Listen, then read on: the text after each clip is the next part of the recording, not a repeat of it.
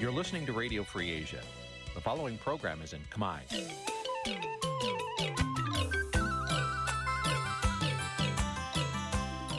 Nǐ chi càm bi tiệp xáy vệt chiu a zì sê ray នេះជាកម្មវិធីផ្សាយរបស់ Vithu Azisari ជាភាសាខ្មែរ វត្តឈូអាស៊ីសេរីសូមស្វាគមន៍លោកអ្នកនាងទាំងអស់ពីរដ្ឋធានី Washington នៃសហរដ្ឋអាមេរិក បាទពីរដ្ឋធានី Washington ខ្ញុំបាទសេកបណ្ឌិតសូមជម្រាបសួរអស់លោកអ្នកនាងកញ្ញាទាំងអស់ជាទីមេត្រី បាទយើងខ្ញុំសូមជូនកម្មវិធីផ្សាយសម្រាប់រាត្រីថ្ងៃសៅរ៍10កើតខែស្រាប ឆ្នាំថោះបញ្ញស័កពុទ្ធសករាជ2567ត្រូវនៅថ្ងៃទី26ខែសីហា គ្រិស្តសករាជ2023បាទជាដំបូងនេះសូមអញ្ជើញអស់លោកអ្នកនាងស្ដាប់ព័ត៌មានប្រចាំថ្ងៃ ដែលមានមេតិការដូចតទៅ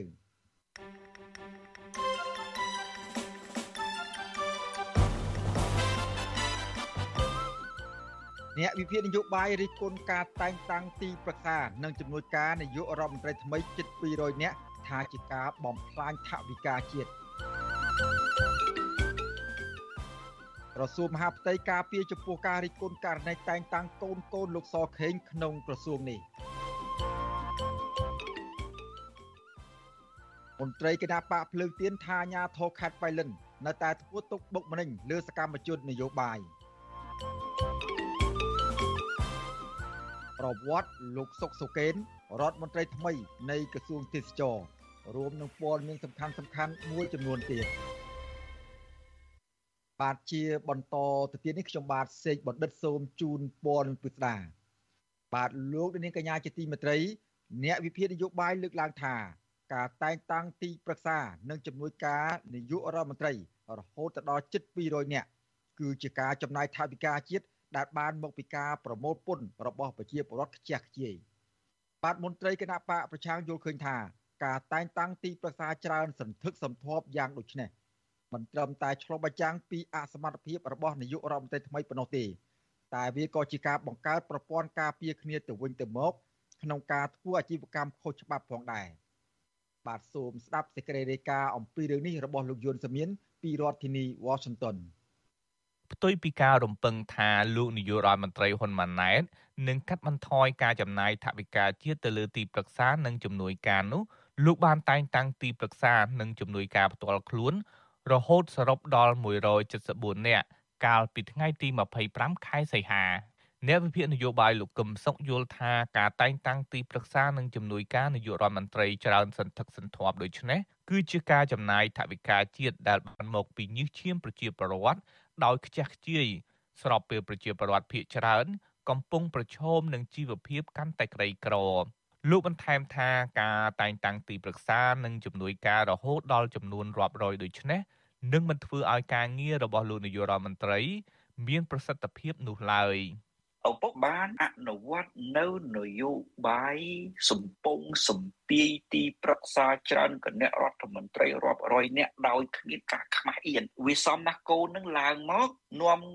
គ្នាលៀងសម្អាតនៅអំពើដ៏កក្រិចរបស់ឪពុកហ្នឹងប៉ុន្តែអត់ធ្វើទេបែរទៅជាបន្តបន្តកាន់តែអាក្រក់ជាងឪពុកទៅទៀតអាហ្នឹងហើយនាំភាពអាប់អោននិងអាម៉ាស់ធ្ងន់ធ្ងរណាស់ទៅដល់ប្រទេសជាតិ ប្រតិកម្មរបស់អ្នកវិភាគនយោបាយបែបនេះធ្វើឡើងបន្ទាប់ពីព្រះមហាក្សត្រសម្ដេចនរោត្តមសីហមុនីបានចេញព្រះរាជក្រឹត្យពីរដាច់ដោយឡែកពីគ្នា ដោយតែងតាំងទីប្រឹក្សានាយករដ្ឋមន្ត្រីចំនួន104នាក់និងជំនួយការនាយករដ្ឋមន្ត្រីចំនួន70នាក់កាលពីថ្ងៃទី25ខែសីហាទីប្រឹក្សានាយករដ្ឋមន្ត្រីនិងជំនួយការនាយករដ្ឋមន្ត្រីសុទ្ធតែទទួលបានងារជាឯកឧត្តមនិងបានទទួលប្រាក់បំណាច់មុខងារ ដែលមានឋានៈចាប់ពីអគ្គនាយករហូតដល់ទេសរដ្ឋមន្ត្រីជាមួយគ្នានេះទោះបីជាទីប្រឹក្សានាយករដ្ឋមន្ត្រីមួយចំនួនពុំទទួលបានប្រាក់បំណាច់មុខងារក្តីប៉ុន្តែទីប្រឹក្សាទាំងនោះត្រូវគេមើលឃើញថាគឺជាបុគ្គលដែលមានទ្រព្យសម្បត្តិស្ដុកស្ដំនិងពាក់ព័ន្ធជាមួយអាជីវកម្មដែលរំលោភសិទ្ធិមនុស្សធ្ងន់ធ្ងរជាក់ស្ដែងអុកញ៉ាពងខៀវសែដែលល្បីល្បាញខាងលុកបឹងទន្លេ និងមានទំនាស់ដីធ្លីជាមួយប្រជាពលរដ្ឋ ក្នុងការកសាងព្រលានយន្តហោះថ្មីនៅក្នុងខេត្តកណ្ដាលនិងអុកញ៉ាលីយ៉ុងផាត់ដែលជាថៅកែស្ករឈាមប្រើអំពើហិង្សាទៅលើប្រជាពលរដ្ឋដែលមានចំនួនដីធ្លី នៅឃុំអំលៀងខេត្តកំពង់ស្ពឺផងនោះក៏ត្រូវតែងតាំងជាទីប្រឹក្សារបស់លោកហ៊ុនម៉ាណែតផងដែរវិទ្យុអាស៊ីសេរីមិនអាចតាក់ទងប្រធានអង្គភិបអ្នកណែនាំពាក្យរដ្ឋាភិបាលលោកប៉ែនបូណាដើម្បីបកស្រាយជុំវិញរឿងនេះបានទេនៅថ្ងៃទី26ខែសីហា ជុំវិញរឿងនេះដែរអតីតតំណាងរាជគណៈបកសង្គ្រោះជាតិលោកអ៊ុំសំអាន មានប្រសាសន៍ថា ការតែងតាំងទីប្រឹក្សានិងជំនួយការនាយករដ្ឋមន្ត្រីច្រើនបែបនេះគឺជាការឆ្លោះបញ្ចាំងអំពីអសមត្ថភាពរបស់លោកនាយករដ្ឋមន្ត្រីហ៊ុនម៉ាណែត និងជាការបង្កើតប្រព័ន្ធការពារគ្នាទៅវិញទៅមក សុភាសិតខ្មែរយើងថាមនុស្សតិចខ្លោមខ្លោចមនុស្សទុយសមោចសំឆៅហ្នឹងអាហ្នឹងវាការងារអត់មានប្រសិទ្ធភាពទេទុយទៅវិញធ្វើឲ្យមានបពុនិយមក្រុមគ្រួសារនិយមអំពើពុករលួយនៅក្នុងហ្នឹងក្រៅពីទីប្រឹក្សានិងជំនួយការនាយករដ្ឋមន្ត្រីហ៊ុនម៉ាណែតនឹងមានលេខាផ្ទាល់ដែលត្រូវទទួលបានប្រាក់បំណាច់ជាបន្ទុកថវិកាជាតិបន្ថែមទៀតស្របពេលដែលគណៈរដ្ឋមន្ត្រីនីតិកាលទី7ដែលមានមន្ត្រីជាន់ខ្ពស់រហូតដល់ជាង1500នាក់រួចទៅហើយនោះ ត្រូវបានគេរិះគន់ថាជារដ្ឋាភិបាលក្បាលធំខ្លួនតូចអ្នកវិភាគនយោបាយលើកឡើងថាការតែងតាំងទីប្រឹក្សានិងជំនួយការនយោបាយរដ្ឋមន្ត្រីច្រើនបែបនេះគឺជាការអនុវត្តបញ្ច្រាស់យុទ្ធសាស្ត្របញ្ញកោណរបស់រដ្ឋាភិបាលថ្មីដើម្បីលើកកម្ពស់ប្រសិទ្ធភាពហើយក៏ឆ្លុះបញ្ចាំងពីអសមត្ថភាពរបស់ថ្នាក់ដឹកនាំរដ្ឋាភិបាលផងដែរខ្ញុំយុនសាមៀនវិទ្យុអាស៊ីសេរីប្រធានាធិបតី Washington បាទលោកនាងកញ្ញាជាទីមេត្រីលោកនាងកំពុងតាមដានស្ដាប់ការផ្សាយរបស់វិទ្យុអស៊ីសេរីពីរដ្ឋធានី Washington សហរដ្ឋអាមេរិកបាទយើងមិនទាន់ទៅណាឆ្ងាយអំពីរឿងរ៉ាវនៃការស្នងទាយាទក្នុងសង្គមនយោបាយនេះនៅឡើយទេ បាទក្រសួងមហាផ្ទៃចានចោលចំពោះការរិះគន់របស់អ្នកខ្លាំមើលទៅលើការតែងតាំងនិងផ្ទៃអំណាចឲ្យក្រមគ្រួសារនៅក្នុងរដ្ឋាភិបាលថ្មីរបស់លោកសខេង។ បាទអ្នកខ្លាំមើលចាត់ទុកការប្រតិកម្មរបស់ក្រសួងមហាផ្ទៃនេះថាជាការចេញមុខការពីអំពើពុករលួយនៃការឡើងកាន់តំណែងសំខាន់សំខាន់ក្នុងស្ថាប័នរដ្ឋបាទយើងប្រកូលស្ទូឌីទីនេះជូនដល់អ្នកស្រីម៉ៅសុធីនីរាយការណ៍អំពីនេះពីរដ្ឋធានី Washington ក្រោយមានការរិះគន់ពីអ្នកវិភាគនិងអ្នកខ្លាំមើលលើការតែងតាំងកូនប្រុសទាំងពីររបស់លោកសខេង ឲ្យឡើងកាន់តំណែងកម្ពុជានៅក្រសួងស្ថាប័នក្នុងអាណត្តិរដ្ឋាភិបាលថ្មីនេះអ្នកនាំពាក្យក្រសួងមហាផ្ទៃបានចេញមុខច្រានចោលនិងបានប្រមាថអ្នករិគុណថាជាមនុស្សវិកលចរិតខណៈអ្នកខ្លំមើលនិងអ្នកវិភាគថាក្រសួងមហាផ្ទៃគួរតែមានភាពខ្មាស់អៀនទៅលើប្រតិកម្មរបស់ខ្លួនបែបនេះប្រធានក្រុមប្រឹក្សាខ្លំមើលកម្ពុជានៅប្រទេសណូវេ លោកម៉ាណាតលើកឡើងថាក្រសួងមហាផ្ទៃគួរតែបើកចិត្តទទួលយកការរិះគន់ឬមតិយោបល់ទាំងវិជ្ជមាននិងអវិជ្ជមាន ទៅពិចារណាកែលម្អមិនមែនងាកមកវេប្រហារដៀថ្មេះអ្នកវិភាគថាជាមនុស្សវិកលចរិតនោះឡើយ។ គួរណាស់តែក្រសួងនឹងអរគុណដល់ក្រមអ្នកវិភាគក្រមអ្នកផ្ដល់យោបល់អរគុណគេទៅទោះបីគេផ្ដល់យោបល់ក្នុងន័យវិជ្ជមានក៏ដោយក្នុងន័យកែតម្រង់ក៏ដោយក្នុងន័យអវិជ្ជមានទៅកាន់ក្រសួងឬរដ្ឋាភិបាលហ្នឹងក៏គួរណាស់តែថ្លែងអំណរគុណគេដោយគ្រាន់ថាក្រសួងនឹងកែតម្រួលនិងពិនិត្យមើលហើយឆ្លើយតបត្រឡប់មកវិញដោយសេចក្តីថ្លៃថ្នូរដោយសមរម្យបំផុតអាហ្នឹងបានយើងអាចជជែកគ្នាបាន ប្រតិកម្មរបស់អ្នកនាំពាក្យក្រសួងមហាផ្ទៃក្រោយពេលមានការរិះគន់ការតែងតាំងកូនចៅនិងសាច់ញាតិរបស់លោកសខេងស្អេកស្កះក្នុងក្រសួងមហាផ្ទៃក្រសួងអះអាងថាការតែងតាំងកូនប្រុសរបស់លោកសខេងគឺលោកសរដ្ឋាជាអគ្គស្នងការរងនៃអគ្គស្នងការដ្ឋាននគរបាលជាតិ គឺផ្អែកលើចំណេះចេះដឹងបទពិសោធន៍និងអតីតភាពការងាររបស់លោក មិនមែនលោកសខេងជាឪពុកសម្រាប់តែងតាំងកូនខ្លួនឯងតាមចិត្តនោះឡើយពាក់ព័ន្ធរឿងនេះអ្នកវិភាគនយោបាយលោកកឹមសុខលើកឡើងថាការវេប្រហាររបស់អ្នកនាំពាក្យក្រសួងមហាផ្ទៃគឺដោយសារមន្ត្រីទាំងនោះបារម្ភថាការបកអាក្រាតអំពីអំពើទុច្ចរិតនិងពុករលួយនោះឲ្យប្រជាប្រដ្ឋបានដឹង។ ហើយបរិយាកាសអូក្រិតនិងការដឹកនាំដែលគ្មានសិលធម៌និងគ្មានគុណធម៌ចំពោះប្រទេសជាតិចំពោះប្រជាពលរដ្ឋក្រោមស្នាដៃលោកហ៊ុនសែនរហូតទៅដល់ហ៊ុនម៉ាណែតនេះពេលដែលប្រជាពលរដ្ឋយល់វានឹងធ្វើឲ្យពួកគេនឹងពិបាកទប់អំណាចអញ្ចឹងហើយទៅគេព្យាយាមវិបកមកវិទ្យុអាស៊ីសេរីមកអ្នកវិភាគ ទោះជាបែបនេះក្តីអ្នកវិភាគស្នើឲ្យក្រសួងមហាផ្ទៃគួរគិតគូរពង្រឹងប្រព័ន្ធរដ្ឋបាលសន្តិសុខសង្គមនិងអភិបាលកិច្ចជូនប្រជាពលរដ្ឋជាពិសេសគួរទទួលយកមតិរិះគន់ពីមហាជន ដើម្បីសិក្សាពីកំហុសជាជាងប្រកែកដើម្បីការពារគ្រួសារថ្នាក់ដឹកនាំចាននាងខ្ញុំម៉ៃសុធានីវិទ្យុអសីស្រីប្រធានាធិបតី Washington បាទលោកនាងកញ្ញាជាទីមេត្រី6ឆ្នាំ ក្រោយលោកសុកអានធ្វើមរណកាលទៅ កូនប្រុសរបស់អតីតរដ្ឋមន្ត្រីដៃស្ដាំដ៏មានឥទ្ធិពលរបស់លោកហ៊ុនសែនរូបនេះមួយរូបបានទទួលតំណែងជារដ្ឋមន្ត្រីបាត់នេះទំនងថាសក្តានុថ្មី នៃគ្រួសារត្រកូលសុកអាន បានចាប់ផ្ដើមឡើងវិញ ក្នុងជួរថ្នាក់ដឹកនាំកម្ពុជាកម្ពុជានៅកម្ពុជា បាទលោកហ៊ុនសែនដែលចាត់ចែងអំណាចសម្រាប់កូនប្រុស និងមនុស្សចំនួនក្រោយរបស់លោកបានសម្រេចឲ្យកូនប្រុសទី4របស់លោកសុកអាន គឺលោកសុកសូកេនបានធ្វើជារដ្ឋមន្ត្រីក្រសួងទេសចរបាទតើលោកអាចនឹងជួយដល់វិស័យទេសចរកម្ពុជាឲ្យកែប្រែមុខមាត់ថ្មីបានឬក៏យ៉ាងណា បាទសូមលោកនាងរងចាំទស្សនាសេចក្តីរាយការណ៍អំពីប្រវត្តិលោកសុកសុកេនអំពីនៅពេលបន្តិចនេះកុំបីខាន បាទសូមអរគុណ កម្មវិធី Vithu Azizi ស្រីសម្រាប់ទូរស័ព្ទដៃអាចឲ្យលោកអ្នកនាង អានអត្ថបទទស្សនាវីដេអូនិងស្ដាប់ការផ្សាយផ្ទាល់ដោយឥតគិតថ្លៃនិងដោយគ្មានការរំខានដើម្បីអាននិងទស្សនាមេតិការថ្មីថ្មីពី Vithu Azizi សេរីលោកអ្នកនាងគ្រាន់តែចុចបាល់កម្មវិធីរបស់ Vithu Azizi សេរីដែលបានដំឡើងរួចរាល់លើទូរស័ព្ទដៃរបស់លោកអ្នកនាង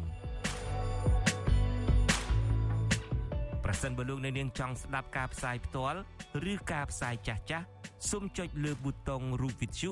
ដែលស្ថិតនៅផ្នែកខាងក្រោមនៃកម្មវិធីជាការស្រេច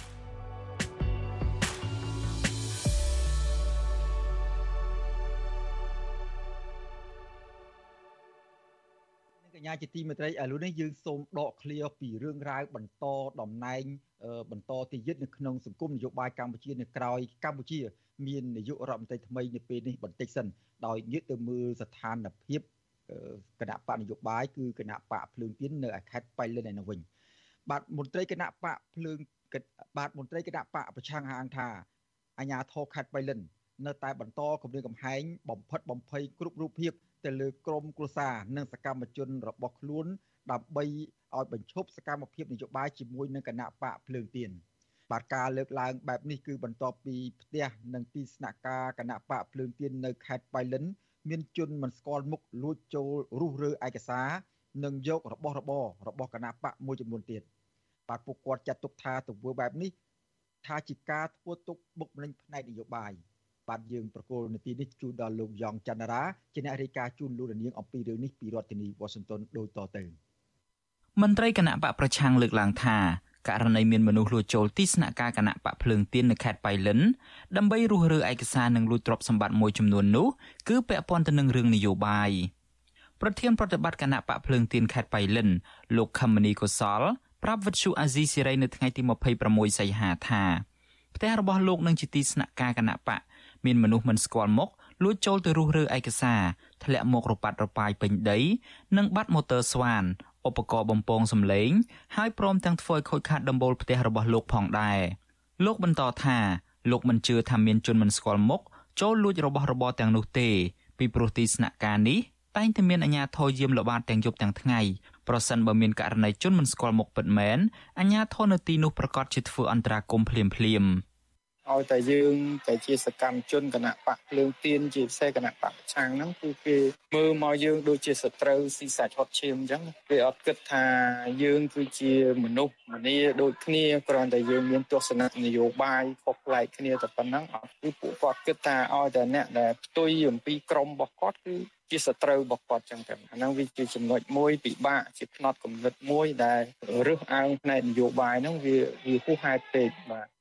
លោកខមនីកុសលឲ្យដឹងទៀតថាប្រពន្ធរបស់លោកដែលជាចៅសង្កាត់រងនៅខេត្តបៃលិនក៏រងការគំរាមកំហែងដល់អាយុជីវិតផងដែរនៅពេលដែលគាត់ចុះទៅតាមមូលដ្ឋានដើម្បីជួបសួរសុខទុក្ខពលរដ្ឋកាលពីយប់ថ្ងៃទី24ខែសីហាមានមនុស្សមិនស្គាល់មុខលួចចូលផ្ទះរបស់លោកខមនីកុសលនិងជាទីស្នាក់ការគណៈបកភ្លឹងទៀនប្រចាំខេត្តបៃលិនដែលធ្វើឲ្យបាត់ឯកសារមួយចំនួនបាត់បង់ទ្រព្យសម្បត្តិរបស់បកនិងខូចខាតដំបូលផ្ទះផងដែរ ក្រៅពីមានការធ្វើទុកបុកម្នេញលើសកម្មជនគណៈបកប្រឆាំងហើយនោះអភិបាលខេត្តបៃលិនអ្នកស្រីបានស្រីមុំក៏រងការរិះគន់ថា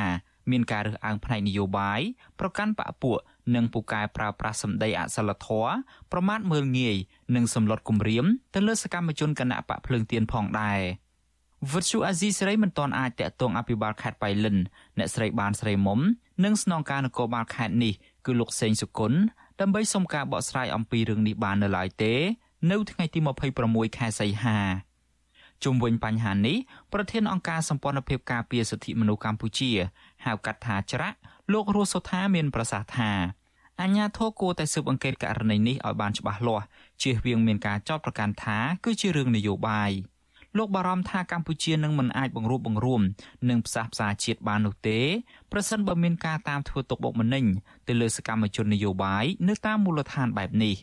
បើសិនជាញ៉ាក់ថោលោកមានសុខចន្ទៈនិងចេតនាល្អគេត្រូវធ្វើការការដាក់កម្លាំងការពីស្នាក់ការក៏ដូចជាមន្ត្រីគណៈបកភ្លឹងទៀន ពីព្រោះថាប្រសិនបើសមាជិកគណៈបកភ្លឹងទៀនឬក៏ការិយាល័យគណៈបកភ្លឹងទៀនមានការខូចខាតមានផលពីរមកផលទី1ជាការសង្ស័យព្រោះថាបច្ចុប្បន្ននេះសង្ស័យថាអាញាធរមានការទុកបុកម្នេញចំពោះគណៈបកភ្លឹងទៀន ប្រធានប្រតិបត្តិគណៈបកភ្លើងទៀនខេត្តបៃលិនលោកខមនីកុសលគឺជាអ្នកនយោបាយលេចធ្លោមួយរូបដែលតែងទទួលរងនឹងការធ្វើទុកបុកម្នេញជាបន្តបន្ទាប់ដូចជាការគំរាមកំហែងអំពើហិង្សានិងការប្តឹងផ្តល់តាមតុលាការកាលពីថ្ងៃទី11ខែកក្កដាកន្លងទៅនៅពេលមន្ត្រីគណៈបកភ្លើងទៀនរូបនេះមិនព្រមចុះចូលជាមួយគណៈបកកណ្ដាលអំណាចទៅតាមការអូសទាញនោះអាជ្ញាធររាជធានីភ្នំពេញប្រមាណ30នាក់ក៏បានចុះឆែកឆេរផ្ទះរបស់លោក ស្ថិតនៅផ្លូវលេខ222សង្កាត់បឹងរាំងខណ្ឌដូនពេញនិងរកចាប់ខ្លួនលោកក៏ប៉ុន្តែពេលនោះលោកមិនបាននៅផ្ទះឡើយនៅពេលនេះលោកខមនីកុសល កំពុងភៀសខ្លួននៅប្រទេសថៃដើម្បីរក្សាសុវត្ថិភាពនិងបន្តការតស៊ូផ្នែកនយោបាយខ្ញុំយ៉ងច័ន្ទដារាវិទ្យុអាស៊ីសេរី Washington បាទលោកនាងកញ្ញាជាទីមេត្រីតកតងនឹងស្ថានភាពរស់នៅ និងសវត្ថភាពរបស់ សកម្មជនគណៈបកភ្លើងទៀនដដែលនេះបាទមន្ត្រីជាន់ខ្ពស់នៃអគ្គនាយកដ្ឋានពន្ធនាគារបញ្ជាក់ថាឆ្នាំឆ្មាំពន្ធនាគារនឹងបញ្ជូនមន្ត្រីគណៈបកភ្លើងទៀនគឺលោកតូចថងទៅព្យាបាលជំងឺនៅនៅឯមន្ទីរពេទ្យខាងក្រៅពន្ធនាគារនៅដើមសប្តាហ៍នេះបាទការសម្ដែងនេះបន្ទាប់ពីក្រសួងមន្ត្រីគណៈបកភ្លើងទៀនស្នើ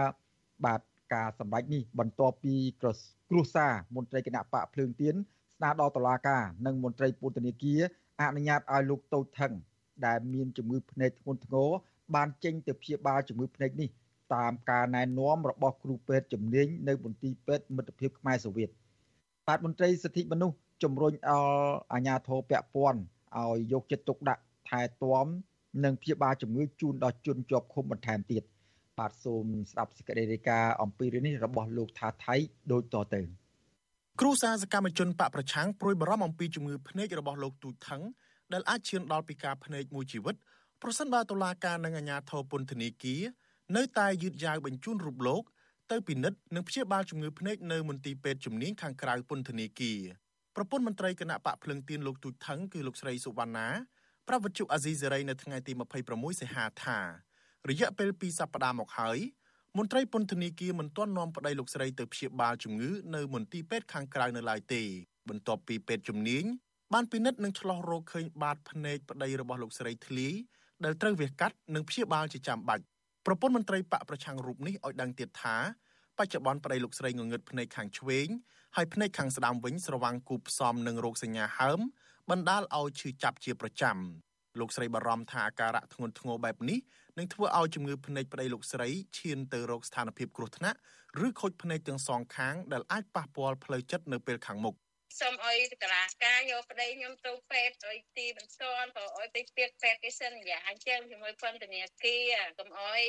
គាត់ងឹតភ្នែកទៅគាត់ផ្នែកគាត់ខូចចិត្តមកជីវិតណាគាត់ព្រោះមនុស្សគាត់ស្លូតមនុស្សគាត់ត្រង់គាត់ធ្វើអីគាត់គិតតែមិនអត់គិតទេដល់ពេលតារាការយកគាត់ទៅទុកអញ្ចឹងក៏វាអត់ត្រូវតែក៏គាត់ឈឺភ្នែកតាំងពីមិនចាប់ម៉ែបើសិនណាយកគាត់ទៅពេលតាំងពីដំបូងខ្ញុំសុំគាត់តាំងពីមួយខែមិនពីរមិនណាក៏ភ្នែកគាត់មិនស្ទន់នឹងដែរពេលអង្គដួងគេឲ្យយកទៅតាំងពីយូរហើយគាត់អត់ឲ្យយកទៅកាលពីថ្ងៃទី14ខែសីហា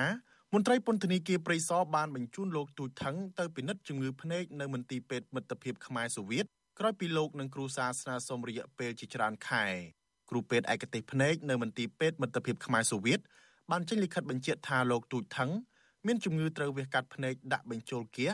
និងតម្រូវឲ្យអ្នកជំងឺសម្រាប់ព្យាបាលរយៈពេល3ទៅ4សប្តាហ៍ក៏ប៉ុន្តែអាជ្ញាធរ មិនទាន់ឲ្យលោកទទួលការព្យាបាលជំងឺនៅទីនោះតាមការណែនាំរបស់គ្រូពេទ្យនោះទេ បន្ទាប់មកមេធាវីរបស់លោកទូចថងគឺលោកសឿនជំជូនក៏បានដាក់លិខិតស្នើសុំការអនុញ្ញាត ពីតុលាការក្រុងភ្នំពេញដោយភ្ជាប់លិខិតបញ្ជាក់ពីគ្រូពេទ្យកាលពីថ្ងៃទី22ខែសីហាដែរតែតុលាការនៅមិនទាន់ឆ្លើយតបនៅឡើយទេទាក់ទងនឹងរឿងនេះអ្នកនាំពាក្យអគ្គនាយកដ្ឋានពន្ធនាគារនៃក្រសួងមហាផ្ទៃលោកនុតសវណ្ណា ប្រាប់វិទ្យុអាស៊ីសេរីតាមប្រព័ន្ធ Telegram ដោយខ្លីថាមន្ត្រីពន្ធនាគារនឹងបញ្ជូនលោកទូចថងទៅពិនិត្យព្យាបាលជំងឺភ្នែកតាមការណែនាំរបស់គ្រូពេទ្យនៅថ្ងៃទី28ខែសីហាហើយគាត់នឹងមានបញ្ហាភ្នែកហើយខាងមណ្ឌលយើងបានបញ្ជូនទៅពេទ្យភាសាហើយណាថ្ងៃច័ន្ទហ្នឹងខាងមណ្ឌលនឹងបញ្ជូនទៅភាសាទៀតដើម្បីពិនិត្យតាមដានតាមការណែនាំរបស់មន្ទីរពេទ្យ កន្លងមកសកម្មជននិងអង្គការសិទ្ធិមនុស្សមួយចំនួនធ្លាប់បានរិះគន់អាជ្ញាធរជំវិញការអនុវត្តស្តង់ដារ2ចំពោះអ្នកជាប់ឃុំដែលក្រីក្រនិងអ្នកមានលុយមានអំណាចលោកទូចថងមានដើមកំណើតជាខ្មែរក្រោមលោកជាប្រធានគណៈកម្មាធិការប្រតិបត្តិគណៈបកភ្លឹងទៀនប្រចាំខេត្តកំពង់ចាមអាជ្ញាធរក្រុងភ្នំពេញបានចាប់លោកកាលពីខែមិនិនាការចាប់ខ្លួននេះគឺ6ម៉ោងមុនពេលតុលាការក្រុងភ្នំពេញកាត់ទោសលោកសៀមភ្លុកឲ្យជាប់ពន្ធនាគារ2ឆ្នាំ6ខែស្របពេលដែលលោក និងសមាជិកបកភ្លើងទៀន2នាក់ទៀតត្រូវបានតុលាការកាត់ទោសឲ្យជាប់ពន្ធនាគារ2ឆ្នាំ6ខែពីបទក្លែងបន្លំឯកសារក្នុងការបង្កើតគណៈបកបេះដូងជាតិកាលពីឆ្នាំ2021ប្រធានសមាគមការពារសិទ្ធិមនុស្សអាត6លោកនីសុខាមានប្រសាសន៍ថាជនជាប់ឃុំមានសិទ្ធិទទួលបានសេវាថែទាំនិងព្យាបាលជំងឺបើទោះបីជាពួកគេមកពីនិន្នាការណាក៏ដោយលោកថាពន្ធនាគារមិនមែនជាទីកន្លែងសម្រាប់ធ្វើទរណកម្មលើអ្នកជាប់ឃុំនោះទេ តែអាជ្ញាធរមានទូនាទីយកចិត្តទុកដាក់ចំពោះការរស់នៅ ជាពិសេសជួយអន្តរាគមន៍ថែទាំនិងព្យាបាលជំងឺដល់ពួកគេឲ្យបានទាន់ពេលវេលា ស្របតាមស្តង់ដាររបស់អង្គការសហប្រជាជាតិដើម្បីជៀសវាងគ្រោះថ្នាក់ដល់ជនជាប់ឃុំ។ រឿងទាំងអស់នេះយើងស្នើដែរថាឲ្យពន្ធនាគារនឹងសម្របសម្រួលធ្វើយ៉ាងណាជួយដោះស្រាយបញ្ហាសុខភាពរបស់អ្នកដែលជាប់ឃុំទាំងអស់ហ្នឹងឲ្យបានស្មើស្មើគ្នាឲ្យបានដូចដូចគ្នាដោយមានការយកចិត្តទុកដាក់យើងឃើញថាពេទ្យពន្ធនាគារយើងដឹងថាមានមិនមែនអត់ទេតែប្រភេទជំងឺខ្លះហើយយើងគិតថាខាងពន្ធនាគារគួរតែមានការយកចិត្តទុកដាក់ឲ្យលើសពីនឹងថែមទៀតគឺថាអាចឲ្យពួកគាត់ចេញមកសម្រាប់ព្យាបាលជាជាងកុំឲ្យវាមានវិបដិសារីណាមកទល់ពេលនេះ ក្រៅពីលោកទូចថងគឺនៅមានអ្នកជាប់ឃុំក្រោមហេតុផលនយោបាយយ៉ាងតិច2អ្នកទៀតកំពុងធ្លាក់ខ្លួនឈឺធ្ងន់នៅក្នុងពន្ធនាគារព្រៃសររួមមានអនុប្រធានគណៈបកភ្លឹងទៀនលោកថាច់សិដ្ឋាកំពុងមានជំងឺបេះដូងជំងឺលើសឈាម និងជំងឺលើសជាតិស្ករជាដើមហើយលោកវឿងសំណាងវិញលោកមានជំងឺចុកចាប់ត្រង់ក្បាលដែលមានស្នាមរបួសចាស់ដែលត្រូវកងទ័ពឆាត់យងវាយបង្ក្រាបកាលពី10ឆ្នាំមុនជាមួយគ្នានេះដែរសកម្មជនខ្លះទៀតមានជំងឺប្រចាំកាយជាច្រើនមុខ ដោយសារបរិយាកាសរស់នៅក្នុងពន្ធនាគារគ្មានអនាម័យនិងខ្វះការយកចិត្តទុកដាក់ចំពោះសុខភាពរបស់អ្នកជាប់ឃុំជាដើមពួកគាត់ចាត់ទុកថាការបន្តឃុំខ្លួនដោយអយុត្តិធម៌និងមានជំងឺប្រចាំកាយធ្ងន់ធ្ងរដោយគ្មានការយកចិត្តទុកដាក់ព្យាបាលនោះប្រៀបដូចជាការធ្វើទរណកម្មលើអ្នកទោសនយោបាយដូច្នោះដែរមន្ត្រីសិទ្ធិមនុស្សនិងក្រុមគ្រួសារក៏ស្នើដល់រដ្ឋាភិបាលថ្មីដែលដឹកនាំដោយលោកហ៊ុនម៉ាណែតអន្តរាគមដោះលែងឲ្យអ្នកទោសមនសិការទាំងនោះមានសេរីភាពដោយឥតលក្ខខណ្ឌ ដើម្បីស្ដារប្រជាធិបតេយ្យនិងការគោរពសិទ្ធិមនុស្សនៅកម្ពុជាឡើងវិញខ្ញុំថាថៃពីទីក្រុងមែលប៊ន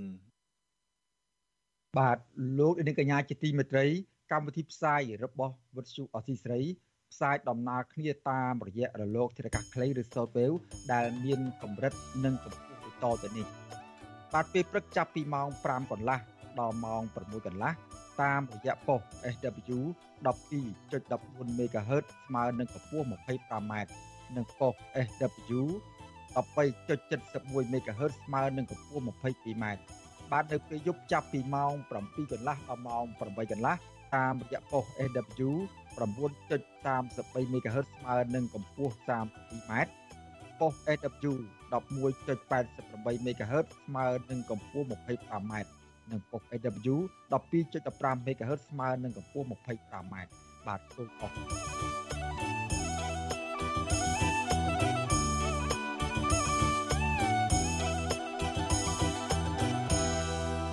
បាទលោកនាងកញ្ញាជាទីមេត្រីឥឡូវនេះយើងក៏លេខទៅមើលបញ្ហាចំនួនដីធ្លីដ៏រ៉ាំរ៉ៃនៅឯខេត្តកោះកុងឯនោះវិញបាទប្រជាពលរដ្ឋមានទំនាស់ដីធ្លីនៅខេត្តកោះកុងប្រើប្រាស់បណ្ដាញសង្គមដើម្បីទាមទាររដ្ឋាភិបាលថ្មី ដឹកនាំដោយលោកនាយករដ្ឋមន្ត្រីហ៊ុនម៉ាណែតជំរុញឲ្យតុលាការខេត្តកោះកុងដោះលែងនិងទម្លាក់បទចោទប្រកាន់លើសកម្មជនដីធ្លីចំនួន9នាក់និងដោះស្រាយបញ្ចប់វិវាទដីធ្លីដ៏រ៉ាំរ៉ៃអូសបន្លាយជិត20ឆ្នាំកន្លងមកនោះ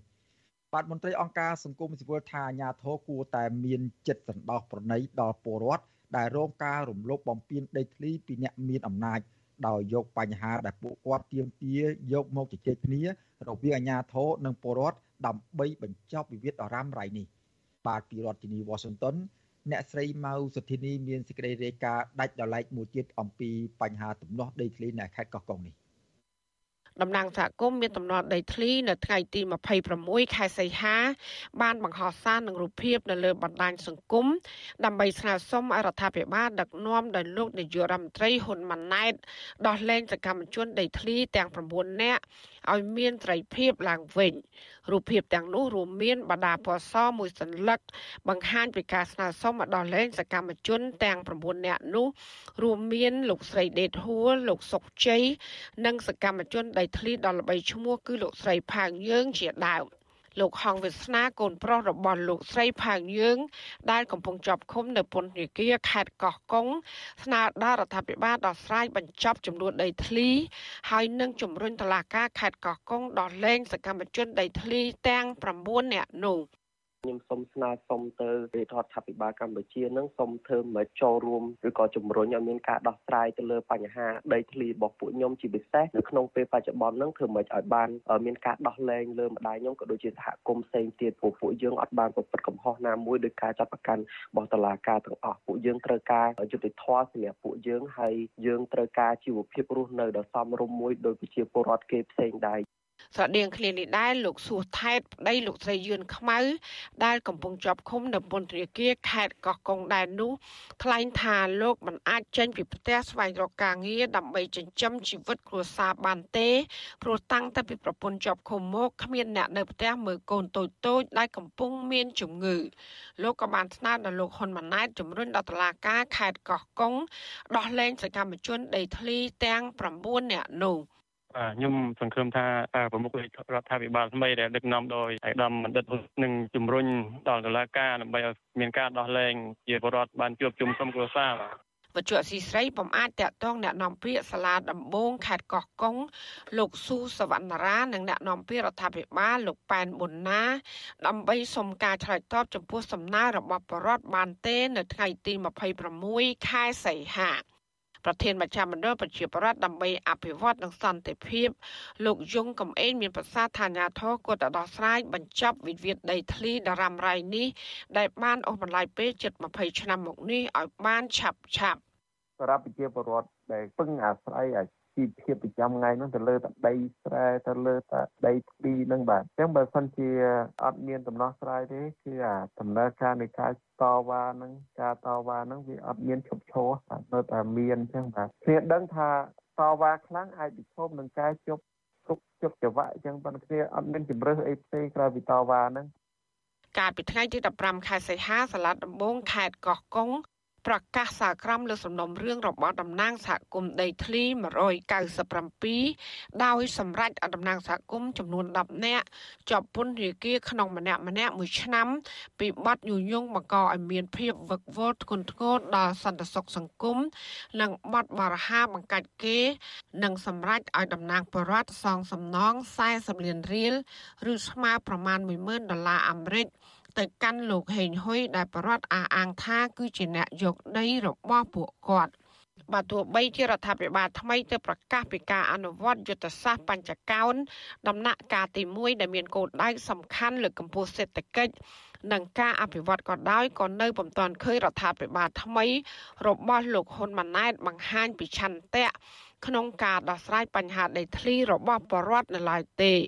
ចាននាងខ្ញុំម៉ៅសុធានីវិទ្យុអសីស្រីប្រធានាធិបតី Washington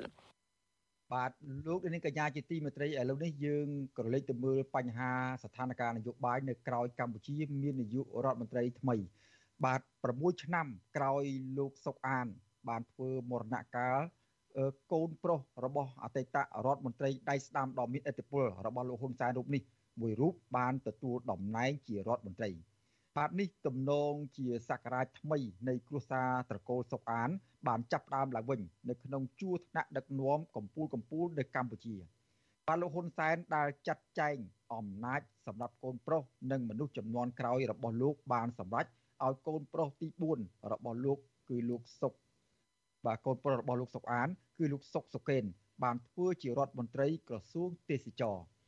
បាទតើលោកសុកសុកេន អាចនឹងជួយឲ្យវិស័យទេសចរនៅកម្ពុជា អាចប្រែមុខមាត់ថ្មីបានដែរឬទេបាទសូមលោកនាងរងចាំស្ដាប់សេចក្តីរាយការណ៍ប្រវត្តិអំពីរបស់លោកសុកសុកេនអំពីរឿងនេះនាពេលបន្តិចទៀតបាទសូមអរគុណ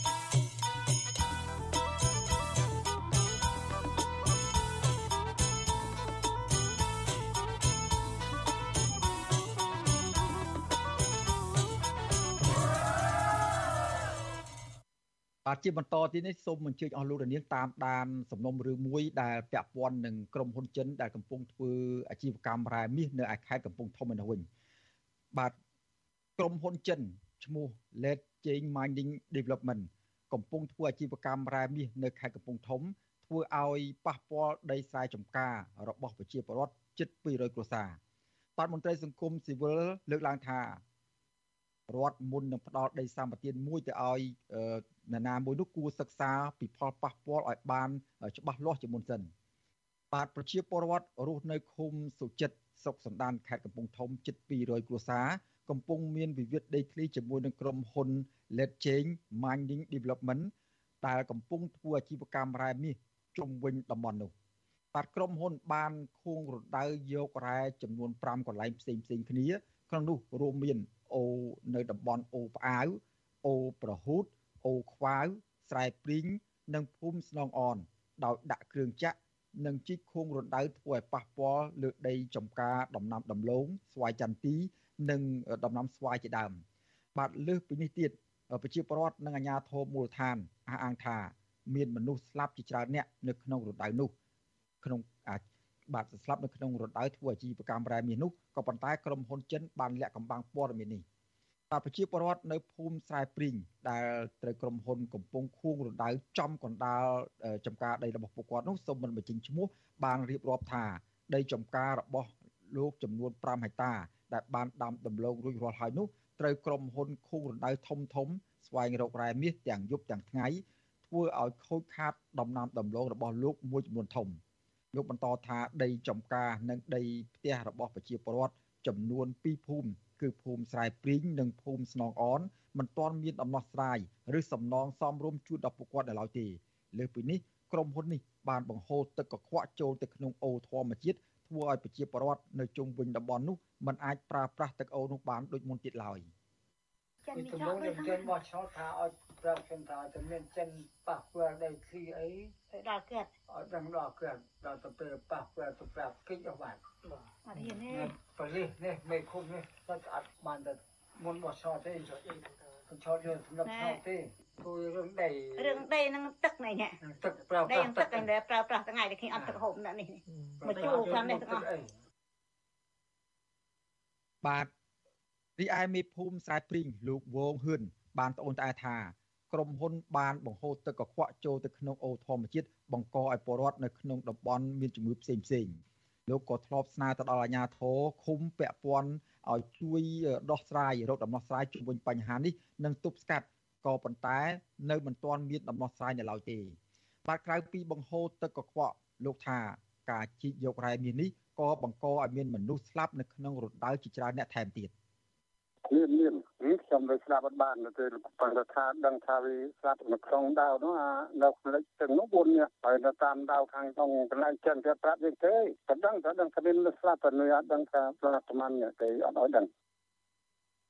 បាទចំណែកឯពលរដ្ឋនៅឃុំសុចិត្តហាងថាក្រុមហ៊ុន Let Change Mining Development បានធ្វើអាជីវកម្មរ៉ែមាសចាប់តាំងពីចុងឆ្នាំ2022មក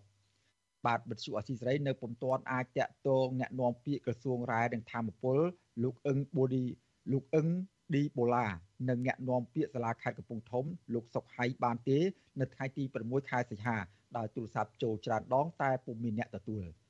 បាទរីឯតំណាងក្រុមហ៊ុន Let Change Mining Development ក៏វិទ្យុអសីសេរីមិនទាន់អាចតាក់ទងសូមឲ្យមានការឆ្លើយបំភ្លឺអំពីការចាប់ប្រកាន់ពីប្រជាពលរដ្ឋនេះបានដែរបាទកាលពីខែកញ្ញាឆ្នាំ2022 កាសែតក្នុងស្រុកបានចុះផ្សាយដោយដកស្រង់សម្ដីរបស់អ្នកនាំពាក្យក្រសួងរាយនឹងធម្មពលលោកអឹងឌីប៉ូឡាថាក្រុមហ៊ុនចិន Let Change Mining Development នឹងធ្វើអាជីវកម្មរ៉ែមាសជាផ្លូវការនៅចុងឆ្នាំ2023ដោយមានអាជ្ញាប័ណ្ណពីរដ្ឋត្រឹមត្រូវបាទជុំវិញរឿងនេះនាយករងទទួលបន្ទុកកិច្ចការទូតនៃអង្គការសិទ្ធិមនុស្សលីកាដូលោកអមសំអាតយល់ឃើញថារាល់ការផ្ដល់ដីសម្បត្តិណាមួយរដ្ឋត្រូវសិក្សានិងវិតម្លៃផលប៉ះពាល់ ពីដីធ្លីប្រជាពលរដ្ឋនិងបរិស្ថានឲ្យបានត្រឹមត្រូវជៀសវាងមានគ្រោះថ្នាក់ដល់ប្រជាពលរដ្ឋរស់នៅតំបន់នោះនិងត្រូវដោះស្រាយសំណងសមរម្យជូនដល់ពលរដ្ឋជាមុនសិនមុននឹងធ្វើអាជីវកម្មរ៉ែមាសនេះបាទលើពីនេះទៀតលោកថាប្រសិនបើមានករណីមនុស្សស្លាប់នៅក្នុងរដូវរ៉ែមាសមែននោះអាជ្ញាធរត្រូវតែចុះពិនិត្យស្រាវជ្រាវឲ្យបានច្បាស់លាស់ព្រោះនេះគឺនៅក្នុងប្រទេសខ្មែរទោះបីជាក្រុមហ៊ុនរករករនឹងជាក្រុមហ៊ុនបរទេសក៏ដោយ ប៉ុន្តែវានៅលើទឹកដីខ្មែរអញ្ចឹងគឺអនុវត្តទៅលើច្បាប់ខ្មែរបើមិនជាមានមនុស្សស្លាប់នៅក្នុងទីតាំងក្រុមហ៊ុនហើយមានការបញ្ជាក់ឲ្យខែណាមួយច្បាស់លាស់ទេអានោះវាស្ថិតក្នុងការតាំងតែតែអាជ្ញាធរត្រូវតែបើកការសង្កេតឲ្យស្ថិតតែដើម្បីស្វែងរកការពិតប្រកបទៅដល់ការកាត់បង្កើតណាបាទក្រុមហ៊ុន Let Chain Mining Development ទទួលបានលិខិតអនុញ្ញាតរករករ៉ែមាសរ៉ែលោហៈធាតុនិងពីរដ្ឋាភិបាលកាលពីចុងខែមីនាឆ្នាំ2020ដែលមានផ្ទៃដីប្រមាណជាង15000ហិកតាស្ថិតនៅក្នុងឃុំសុចិត្តស្រុកសណ្ដានខេត្តកំពង់ធំ ខាងត្បូងនៃដែនជំរកសត្វព្រៃឡង់ជាប់តំបន់ទេសចរភ្នំជី។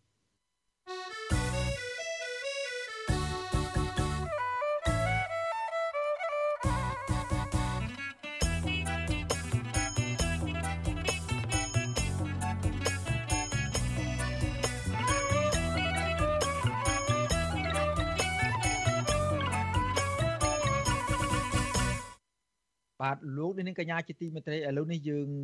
ត្រឡប់មកមើលបញ្ហាវិស័យទេសចរដែលកំពុងកើតមានវិបត្តិនៅក្នុងដំណាក់កាលចុងក្រោយនេះវិញ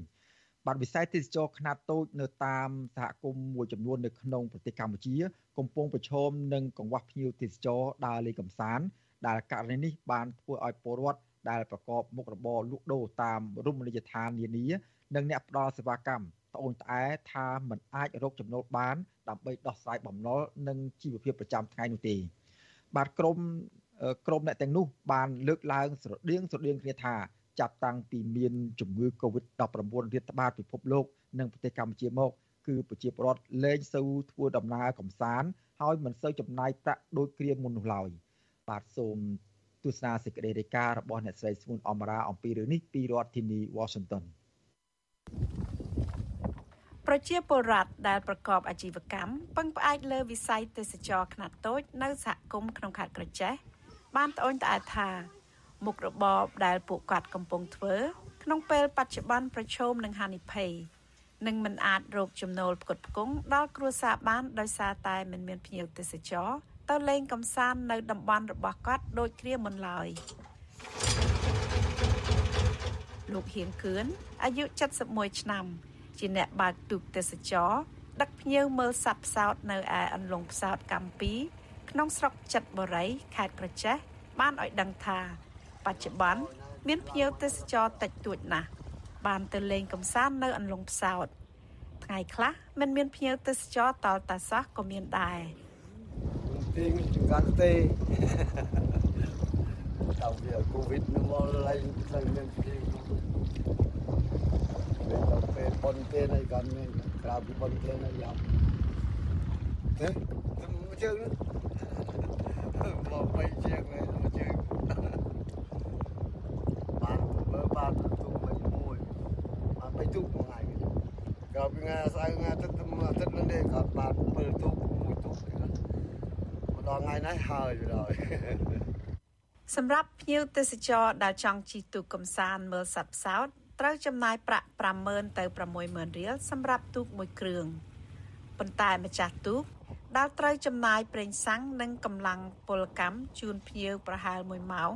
ឬ2ម៉ោងគាត់ទទួលបានប្រាក់15000រៀលពីអ្នកលក់សម្បត្តិគ្រប់គ្រងតំបន់នោះបើទោះជាមិនបានចំណូលច្រើនក្តី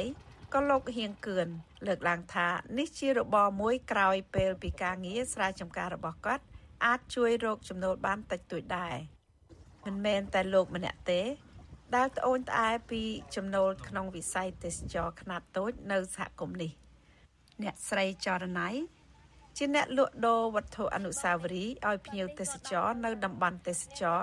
ធម្មជាតិកម្ពុជាក៏មានស្ថានភាពស្រដៀងគ្នាចាប់តាំងពីមានវិបត្តិរាលដាលជំងឺ Covid-19 រហូតមកដល់បច្ចុប្បន្ននេះដោយសារភ្ញៀវថយចុះជាបន្តបន្ទាប់ ខែចូលឆ្នាំខែអីចឹងវាដល់ចេះមួយខែហ្នឹងឡើងចូលមកដូចក្រុមឯងគេថាទិញបាន10000 20000ចឹងតែអត់ទៀងទៀងទេបងចឹងការមួយថ្ងៃមួយថ្ងៃទៅថ្ងៃវាអត់មានបាន100ទេតែថ្ងៃហ្នឹងបាន3 5ភាសាតែខែហ្នឹងវាអត់មានភ្ញៀវទេបងតែភាសាទឹកកាពីវាមានបងអើយដូចយើងថាចឹងបើអ្នកអត់ខ្លះលុបអញ្ចឹងគឺចឹងខ្លួនតែមានពួកយើងលុបតែប៉ុណ្្នឹងហើយតាមការប៉ាន់ស្មានរបស់ក្រសួងទេសចរកន្លងមកថា ក្នុងឆ្នាំ2023នេះកម្ពុជាអាចនឹងទទួលបានទេសចរអន្តរជាតិប្រមាណ4លាន5សែននាក់ទោះយ៉ាងណា ដើម្បីជំរុញកំណើនទេសចរនេះ ក្រសួងទេសចរបានបដិញ្ញាបន្តសហការនិងជំរុញលទ្ធភាពនៃការហោះហើរក្នុងស្រុក និងក្នុងតំបន់ព្រមទាំងពង្រីកការហោះហើរត្រង់ទៅតំបន់ទេសចរសំខាន់ៗក្នុងតំបន់ផងដែរបាទ លោកនាងកញ្ញាជាទីមេត្រីឥឡូវនេះយើងត្រឡប់មកមើលស្ថានភាពនយោបាយរបស់ប្រទេសកម្ពុជានៅក្រៅកម្ពុជាមាននាយករដ្ឋមន្ត្រីថ្មីវិញម្ដងបាទមានសំណួរសួរថាតើរដ្ឋមន្ត្រីក្រសួងទេសចរថ្មីអាចនឹងនាំឲ្យមានការពង្រឹងអំណាចត្រកូលគ្រួសារលោកសុកអានឡើងវិញដែរឬទេបាទ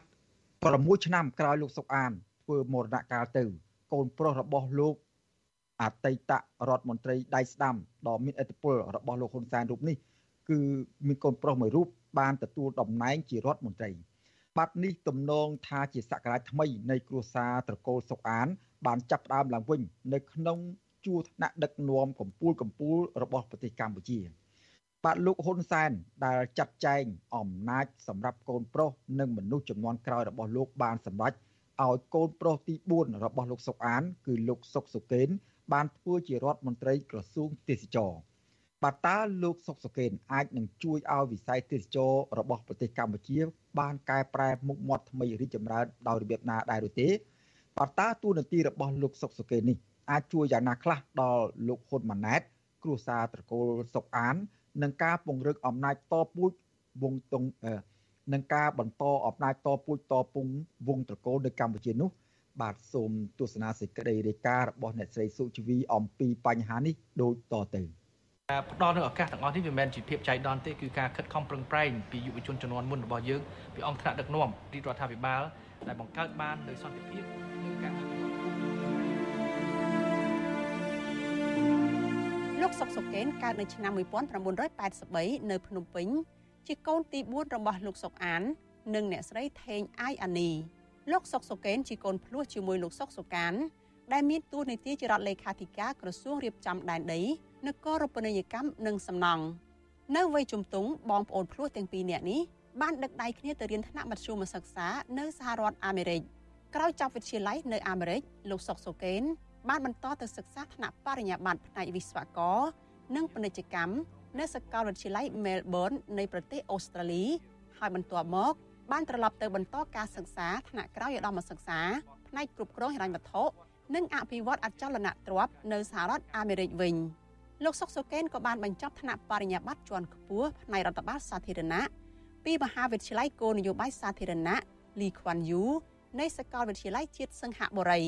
ក្រោយបានឆ្លងកាត់ការសិក្សារាប់ឆ្នាំនៅប្រទេសប្រជាធិបតេយ្យចុងក្រោយលោកសុកសូកេនបែរជាងាកទៅចុះឈ្មោះរៀនថ្នាក់បណ្ឌិត នៅសាកលវិទ្យាល័យប៉េកាំងប្រទេសចិនកុម្មុយនីសវិញ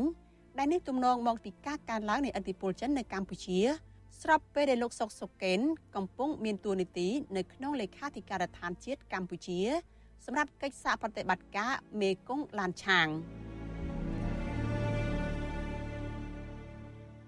នៅមុនពេលធ្វើចរន្តលេខាធិការនៃក្រសួងការបរទេសនៅក្នុងឆ្នាំ2016លោកសុកសុកេនធ្លាប់ជាមន្ត្រីនៅក្រមប្រឹក្សាអភិវឌ្ឍកម្ពុជាចាប់តាំងពីឆ្នាំ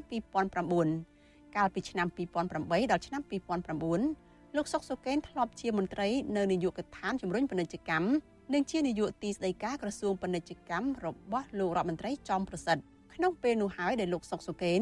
បានរៀបការជាមួយនឹងកូនស្រីរបស់លោករដ្ឋមន្ត្រី គឺអ្នកស្រីចំក្រស្នាបច្ចុប្បន្នលោកសុកសុកេនមានកូន4នាក់ស្រី3នាក់ប្រុសម្នាក់ចំណងអាពាហ៍ពិពាហ៍នេះបង្ហាញច្បាស់ពីការផ្សារសាច់ឈាមជាមួយនឹងគ្រួសារលោកចំប្រសិទ្ធដែលនៅពេលនោះលោកសុកអាន នៅមានអំណាចពេញដៃនៅឡើយ ស្របពេលដែលអាពាហ៍ពិពាហ៍របស់លោកសុកសុកេន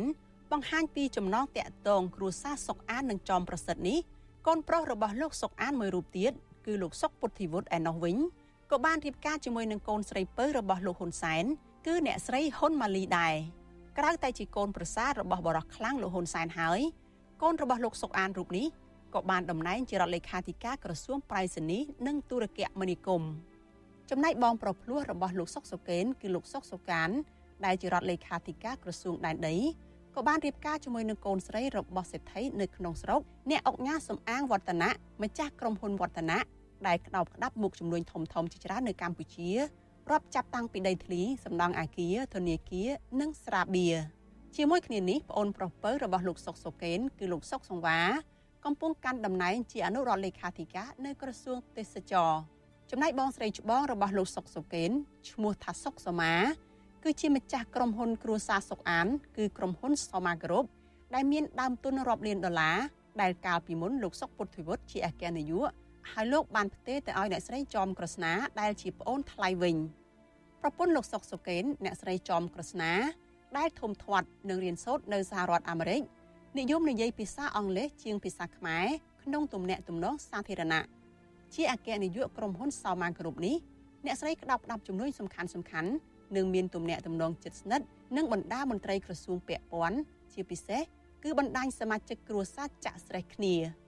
ក្រុមហ៊ុននេះមានបុតសម្ព័ន្ធជាច្រើន តាំងពីវិស័យសំណង់កសិកម្មបច្ចេកវិទ្យាពាណិជ្ជកម្មអប់រំបដិសណ្ឋារកិច្ចអភិវឌ្ឍអចលនវត្ថុធម្មពល និងទឹកស្អាតជាដើម មួយវិញទៀតអ្នកស្រីចំក្រស្នាក៏មានបងស្រី គឺអ្នកស្រីចំនិមល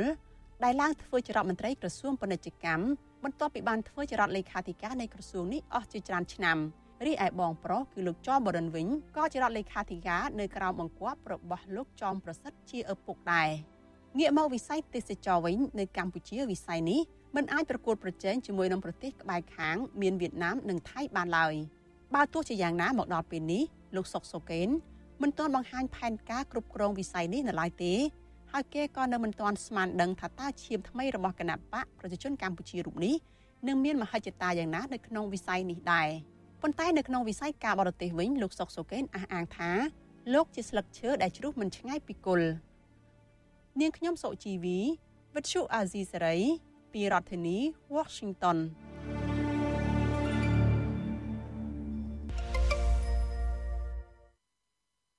បាទលោកនាងកញ្ញាជាទីមេត្រី ជាបន្តទៅទៀតនេះសូមអញ្ជើញអស់លោកនាងទៅតាមដានមើលស្ថានភាពនៅតំបន់ព្រំដែនជាប់នឹងប្រទេសកម្ពុជានិងវៀតណាមឯនោះវិញបាទក្រមយុវជន និងប្រជាពលរដ្ឋនៅខេត្តស្វាយរៀងសោកស្ដាយព្រែកមួយខ្សែដែលបន្សល់ទុកតាំងពីសម័យបារាំងនិងស្ដារឡើងវិញនៅសម័យខ្មែរក្រហម បានបាត់បង់ទៅខាងប្រទេសវៀតណាមគ្រប់គ្រងក្រោយបោះបង្គោលព្រំដែនកាលពីឆ្នាំ2017ក្នុងពេលដែលកម្ពុជាកំពុងមានវិបត្តិនយោបាយ បាទប្រជាពលរដ្ឋនិងមន្ត្រីសង្គមស៊ីវិលស្នើសុំឲ្យរដ្ឋាភិបាលអាណត្តិថ្មីផ្ទៀងផ្ទាត់ការបោះបង្គោលព្រំដែនកំណត់ព្រំដែនកម្ពុជាវៀតណាមឡើងវិញបាទសូមទស្សនាសេចក្តីបាទសូមស្ដាប់សេចក្តីរាយការណ៍របស់អ្នកស្រីស្ងួនអមរាមួយទៀតជុំវិញព័ត៌មាននេះព្រែកមួយខ្សែមានប្រវែងទទឹងចន្លោះជាង20ម៉ែត្រដល់ជាង40ម៉ែត្របណ្ដោយជាង100គីឡូម៉ែត្រ ស្ថិតក្នុងខេត្តព្រៃវែងនិងខេត្តស្វាយរៀងត្រូវបានពលរដ្ឋនិងយុវជនអះអាងថា បានរបូតទៅវៀតណាមបន្ទាប់ពីរដ្ឋាភិបាលកម្ពុជា និងវៀតណាម បានឯកភាពគ្នាដោយស្ងាត់ស្ងាត់កំណត់ខណ្ឌសីមាព្រំដែនតាមបណ្ដោយដងព្រែកនេះកាលពីឆ្នាំ2017ព្រែកនេះ ត្រូវបានរដ្ឋាភិបាលវៀតណាមគ្រប់គ្រងទាំងស្រុងនៅរយៈពេលជាង6ឆ្នាំចុងក្រោយនេះដោយវៀតណាមបានប្រើប្រាស់ព្រែកនេះធ្វើនាវាចរដឹកទំនិញនិងកសិផលមកលក់នៅកម្ពុជា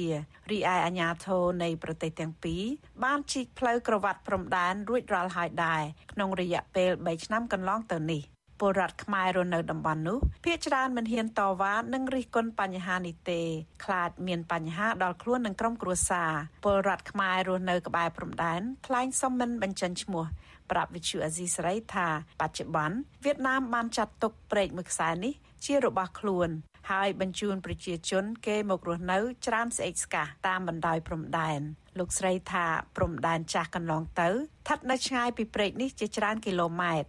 ពីមុនមិនគោនៅត្រឹមហ្នឹងអញ្ចឹងតាមខ្ញុំធ្លាប់ឃើញអញ្ចឹងតែជាខិតមកដល់ហ្នឹងអញ្ចឹងគោនឹងតំបោះតំបោះដែរពីមុនហូសស្ពានហ្នឹងហូសស្ពានហ្នឹងហូសអឺកន្លែងប៉ុស្តិ៍វៀតណាមរងថ្ងៃអញ្ចឹងទៅបងទៀតទៅតាមមុនដីហ្នឹងប្រែកហ្នឹងគេអត់តនេះហ្នឹងដាក់ជីកដីដាក់ខណ្ឌអញ្ចឹងទេពីមុនធំជាងហ្នឹងដល់ពេលគេចាប់ដើមបោះបកគោលខ្មែរយើងព្រំដែនហ្នឹងបានគេចាប់ដើមធ្វើប៉ុស្តិ៍ថ្មីនឹងនៅឯប្រែកហ្នឹងរងថ្ងៃអញ្ចឹង ព្រែកសម័យបារាំងមួយខ្សែនេះប្រវែងជាង100គីឡូម៉ែត្រលាតសន្ធឹងពីខេត្តព្រៃវែងរហូតទល់នឹងខេត្តស្វាយរៀងឆ្លងកាត់ស្រុកស្វាយជ្រុំនិងក្រុងស្វាយរៀងអ្នកស្រុកខ្លះបានហៅព្រែកនេះថាព្រែកតែអង្គហើយកាលពីសម័យប៉ុលពត អ្នកភូមិបានជីកស្ដារព្រែកនេះឲ្យជ្រៅងាយស្រួលធ្វើកសិកម្មនិងទាញទឹកប្រើប្រាស់ជាដើម យុវជនរស់នៅរាជធានីភ្នំពេញលោកសៀងរក្សា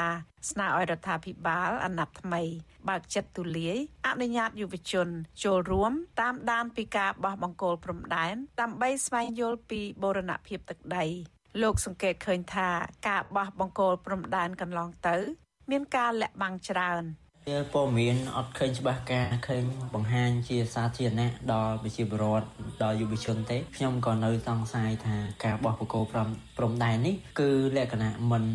ត្រូវទៅតាមច្បាប់ត្រូវទៅតាមផ្ទៃដីផ្ទៃកាឡាឆ្លើយតបរឿងនេះអ្នកនាំពាក្យសាលាខេត្តស្វាយរៀងលោករស់សុផារិតប្រាប់វិទ្យុអាស៊ីសេរីថាខេត្តស្វាយរៀង នៅមិនតាន់បោះបង្គោលព្រំដែនរួចរាល់នៅឡើយទេ នៅសេសសល់តិចតួចក៏ប៉ុន្តែ លោកមិនបញ្ជាក់លម្អិតថាតំបន់ដែលមិនតាន់កំណត់ព្រំដែនរួចស្ថិតក្នុងស្រុកណានោះឡើយលោកបដិសេធមិនអត្ថាធិប្បាយចំពោះការបោះបង្គោលព្រំដែនដែលធ្វើឲ្យខ្មែរបាត់បង់ព្រែកមួយខ្សែទៅវៀតណាម ដោយលោកថា ជាភារកិច្ចរបស់គណៈកម្មការព្រំដែនយើងកំពុងតែ ភាសាគ្នាមិនទាន់មានការឯកភាពគ្នា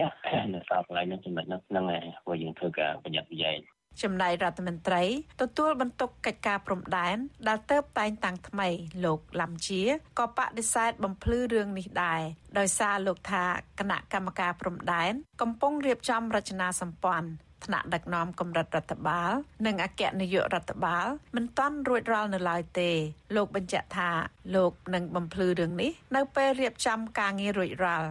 រងចាំច្បាប់ចេញសិនបននឹងការពីអនុក្រឹត្យរៀបចំទៅទៅហើយពេលនោះចាំផែនការការងារស្អីស្អីអានឹងវាពេញពេញផ្លូវច្បាប់តែម្ដងតកតងរឿងនេះអតីតតំណាងរាជគណៈបកសង្គ្រោះជាតិលោកអ៊ុំសំអាន សង្កេតឃើញថាការបោះបង្គោលព្រំដែនកន្លងទៅ រដ្ឋាភិបាលកម្ពុជាមិនផ្អែកតាមមរតករបស់បារាំងនិងផ្អែកតាមអនុសញ្ញាកម្ពុជាកូសាំងស៊ីនឆ្នាំ1973នោះទេ គឺបោះតាមសន្ធិសញ្ញាឆ្នាំ1985ដែលជាសន្ធិសញ្ញាខុសច្បាប់មិនធ្វើទៅតាមអ្វីដែលមរតកបារាំងដែលយើងដឹងមរតកបារាំងគឺមិនអាចបាត់ដីខ្មែរយើងទេហើយទី2គណៈកម្មការព្រំដែនយើងលោកសែនជាពាក់គុណយួនធ្វើទៅតាមយួនកំណត់យួនកំណត់ថាទំនេះកំណែធ្វើបន្លាយនេះធ្វើបន្លាយនេះជុំវិញរឿងនេះប្រធានក្រុមប្រឹក្សាខ្លមមើលកម្ពុជានៅប្រទេសជណែលលោកម៉ាណាតយល់ថារដ្ឋាភិបាលអាណត្តិថ្មីត្រូវកសាងឯកសារប្តឹងភាគីវៀតណាមទៅតុលាការយុត្តិធម៌អន្តរជាតិក្នុងករណីវៀតណាម បង្ខំឲ្យកម្ពុជាចុះហត្ថលេខាលើសន្ធិសញ្ញាខុសច្បាប់កន្លងទៅ ដែលធ្វើឲ្យកម្ពុជា បាត់បង់បូរណភាពទឹកដីតាមតំបន់ព្រំដែន នេះឱកាសថ្មីនេះរដ្ឋាភិបាលហ៊ុនម៉ាណែតនេះបើថាឪពុកគាត់ជាប់សន្ធិសញ្ញាព្រំដែនខុសច្បាប់ហ្នឹងជាមួយវៀតណាមជាប់កិច្ចសន្យាហ្នឹងអញ្ចឹងហ៊ុនម៉ាណែតហ្នឹងបញ្ញាបញ្ញាឡើងយកឯកសារសន្ធិសញ្ញាខុសច្បាប់ខុសកិច្ចព្រមព្រៀងក្រុងរីខុសរដ្ឋធម្មនុញ្ញទាំងអស់ហ្នឹងមួយភាគីវៀតណាមមកធ្វើនារីកឲ្យរដ្ឋស្នើឲ្យរដ្ឋសភាធ្វើនារីកលុបចោលរួចទៅយើងរៀបចំឯកសារប្តឹងបានទៅវៀតណាមហ្នឹងហ៊ុនម៉ាណែតមានគេឈ្មោះសម្រាប់ជាតិហើយឲ្យទៅហ៊ានធ្វើរឿងហ្នឹង ពពលរដ្ឋបន្ថែមថាការបោះបង្គោលព្រំដែនកន្លងទៅ មានភាពមិនប្រក្រតីច្រើនណាស់ដោយភាគីវៀតណាម មានយុទ្ធសាស្ត្រឈ្លានពានគ្រប់រូបភាពដោយមានដីស្រែខ្លះប្រជាជនវៀតណាម បានទិញពីពលរដ្ឋខ្មែរដើម្បីកាន់កាប់ជាដីរបស់វៀតណាមហើយការសាងសង់ផ្លូវក្រវ៉ាត់ព្រំដែនទៀតសោតខាងភាគីវៀតណាម គឺជាអ្នកចាញ់ថ្លៃចំណាយទាំងអស់ កម្ពុជា មានព្រំដែនជាប់នឹងប្រទេសវៀតណាម ចំនួន1245គីឡូម៉ែត្រដែលត្រូវបោះបង្គោលព្រំដែនសរុបចំនួន371បង្គោលបច្ចុប្បន្នប្រទេសទាំងពីរបានបោះបង្គោលរួចរាល់ចំនួន315បង្គោលឬស្មើនឹង84%ហើយនៅសេសសល់បង្គោលចំនួន56ទៀតស្ថិតនៅខេត្តរតនគិរីមណ្ឌលគិរីត្បូងឃ្មុំស្វាយរៀងខេត្តកណ្ដាលនិងខេត្តតាកែវ នាងខ្ញុំស្ងួនអមរា Vithu Azisari ពីរដ្ឋធានី Washington បាទលោកនាងកញ្ញាជាទីមេត្រីអ្នកវិភាគនយោបាយលើកឡើងថាការតែងតាំងទីប្រឹក្សានិងចំនួនការនាយករដ្ឋមន្ត្រីថ្មីរហូតដល់ទៅជិត200នាក់គឺជាការចំណាយថវិកាជាតិដែលបានមកពីការប្រមូលពន្ធពីពលរដ្ឋខ្ជះខ្ជាយបាទសូមស្ដាប់សេចក្តីរាយការណ៍របស់លោកយុនសមៀនអំពីរឿងនេះពីរដ្ឋធានី Washington ផ្ទុយពីការរំពឹងថាលោកនាយករដ្ឋមន្ត្រីហ៊ុនម៉ាណែត នឹងកាត់បន្ថយការចំណាយថវិកាជាតិទៅលើទីប្រឹក្សានិងជំនួយការនោះលោកបានតែងតាំងទីប្រឹក្សានិងជំនួយការផ្ទាល់ខ្លួន រហូតសរុបដល់174នាក់កាលពីថ្ងៃទី25ខែសីហាអ្នកវិភាគនយោបាយលោកកឹមសុខយល់ថាការតែងតាំងទីប្រឹក្សានិងជំនួយការនាយករដ្ឋមន្ត្រីច្រើនសន្ធឹកសន្ធាប់ដូចនេះគឺជាការចំណាយថវិកាជាតិដែលបានមកពីញើសឈាមប្រជាពលរដ្ឋដោយខ្ជះខ្ជាយស្របពេលប្រជាពលរដ្ឋភៀសច្រើន កំពុងប្រឈមនឹងជីវភាពកាន់តែក្រីក្រលោកបន្ថែមថាការតែងតាំងទីប្រឹក្សានិងជំនួយការរហូតដល់ចំនួនរាប់រយដូចនេះនឹងមិនធ្វើឲ្យការងាររបស់លោកនាយករដ្ឋមន្ត្រី មានប្រសិទ្ធភាពនោះឡើយឪពុកបានអនុវត្តនៅនយោបាយសំពងសំពាយទីប្រឹក្សាច្រើនគណៈរដ្ឋមន្ត្រីរាប់រយនាក់ដោយគ្មានការខ្មាស់អៀនវាសមណាស់កូននឹងឡើងមកនាំ គ្នាលាងសម្អាតនៅអំពើដ៏កក្រិចរបស់ឪពុកហ្នឹងប៉ុន្តែអត់ធ្វើទេបែរទៅជាបន្តបន្តកាន់តែអាក្រក់ជាងឪពុកទៅទៀតអាហ្នឹងហើយនាំភាពអាប់អោននិងអាម៉ាស់ធ្ងន់ធ្ងរណាស់ទៅដល់ប្រទេសជាតិប្រតិកម្មរបស់អ្នកវិភាគនយោបាយបែបនេះធ្វើឡើងបន្ទាប់ពីព្រះមហាក្សត្រសម្ដេចនរោត្តមសីហមុនីបានចេញព្រះរាជក្រឹត្យពីរដាច់ដោយឡែកពីគ្នាដោយតែងតាំងទីប្រឹក្សានាយករដ្ឋមន្ត្រីចំនួន104នាក់ និងជំនួយការនាយករដ្ឋមន្ត្រីចំនួន70នាក់កាលពីថ្ងៃទី25ខែសីហាទីប្រឹក្សានាយករដ្ឋមន្ត្រីនិងជំនួយការនាយករដ្ឋមន្ត្រីសុទ្ធតែទទួលបានងារជាឯកឧត្តមនិងបានទទួលប្រាក់បំណាច់មុខងារដែលមានឋានៈចាប់ពីអគ្គនាយករហូតដល់ទេសរដ្ឋមន្ត្រីជាមួយគ្នានេះទោះបីជាទីប្រឹក្សានាយករដ្ឋមន្ត្រីមួយចំនួនពុំទទួលបានប្រាក់បំណាច់មុខងារក្តីប៉ុន្តែទីប្រឹក្សាទាំងនោះត្រូវគេមើលឃើញថា គឺជាបុគ្គលដែលមានទ្រព្យសម្បត្តិស្ដុកស្ដំនិងពាក់ព័ន្ធជាមួយអាជីវកម្មដែលរំលោភសិទ្ធិមនុស្សធ្ងន់ធ្ងរជាក់ស្ដែងអុកញ៉ាពងខៀវសែដែលល្បីល្បាញខាងលុកបឹងទន្លេនិងមានទំនាស់ដីធ្លីជាមួយប្រជាពលរដ្ឋក្នុងការកសាងប្រលានយន្តហោះថ្មីនៅក្នុងខេត្តកណ្ដាលនិងអុកញ៉ាលីយ៉ុងផាត់ដែលជាថៅកែស្ករឈាមប្រើអំពើហិង្សាទៅលើប្រជាពលរដ្ឋដែលមានចំនួនដីធ្លី នៅឃុំអំលៀង ខេត្តកំពង់ស្ពឺផងនោះក៏ត្រូវតែងតាំងជាទីប្រឹក្សារបស់លោកហ៊ុនម៉ាណែតផងដែរវិទ្យុអាស៊ីសេរីមិនអាចតាក់ទងប្រធានអង្គភិបអ្នកណែនាំពាក្យរដ្ឋាភិបាលលោកប៉ែនបូណាដើម្បីបកស្រាយជុំវិញរឿងនេះបានទេនៅថ្ងៃទី26ខែសីហាជុំវិញរឿងនេះដែរអតីតតំណាងរាជគណៈបកសង្គ្រោះជាតិលោកអ៊ុំសំអាន មានប្រសាសន៍ថា ការតែងតាំងទីប្រឹក្សានិងជំនួយការនាយករដ្ឋមន្ត្រីច្រើនបែបនេះ គឺជាការឆ្លុះបញ្ចាំងអំពីអសមត្ថភាពរបស់លោកនាយករដ្ឋមន្ត្រីហ៊ុនម៉ាណែត និងជាការបង្កើតប្រព័ន្ធការពារគ្នាទៅវិញទៅមក សុភាសិតខ្មែរយើងថាមនុស្សតិចខ្លោមខ្លោចមនុស្សទុយសមោចសមឆៅហ្នឹងអាហ្នឹងវាការងារអត់មានប្រសិទ្ធភាពទេទុយទៅវិញធ្វើឲ្យមានបកពួកនិយមក្រុមគ្រួសារនិយមអំពើពុករលួយនៅក្នុងហ្នឹងក្រៅពីទីប្រឹក្សានិងជំនួយការនាយករដ្ឋមន្ត្រីហ៊ុនម៉ាណែតនឹងមានលេខាផ្ទាល់ដែលត្រូវទទួលបានប្រាក់បំណាច់ជាបន្ទុកថវិកាជាតិបន្ថែមទៀតស្របពេលដែលគណៈរដ្ឋមន្ត្រីនីតិកាលទី7ដែលមានមន្ត្រីជាន់ខ្ពស់រហូតដល់ជាង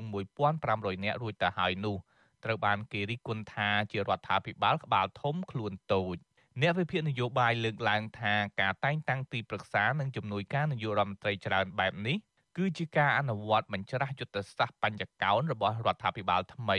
ដើម្បីលើកកម្ពស់ប្រសិទ្ធភាពហើយក៏ឆ្លុះបញ្ចាំងពីអសមត្ថភាពរបស់ថ្នាក់ដឹកនាំរដ្ឋាភិបាលផងដែរខ្ញុំយុនសាមៀនវុទ្ធុអាស៊ីសេរីប្រធានាធិបតី Washington បាទលោកនាងកញ្ញាជាទីមេត្រី កម្មវិធីផ្សាយរបស់វិទ្យុអស៊ីសេរីសម្រាប់រៀបត្រីថ្ងៃសៅរ៍នេះបានឈានដល់ទីបញ្ចប់ហើយ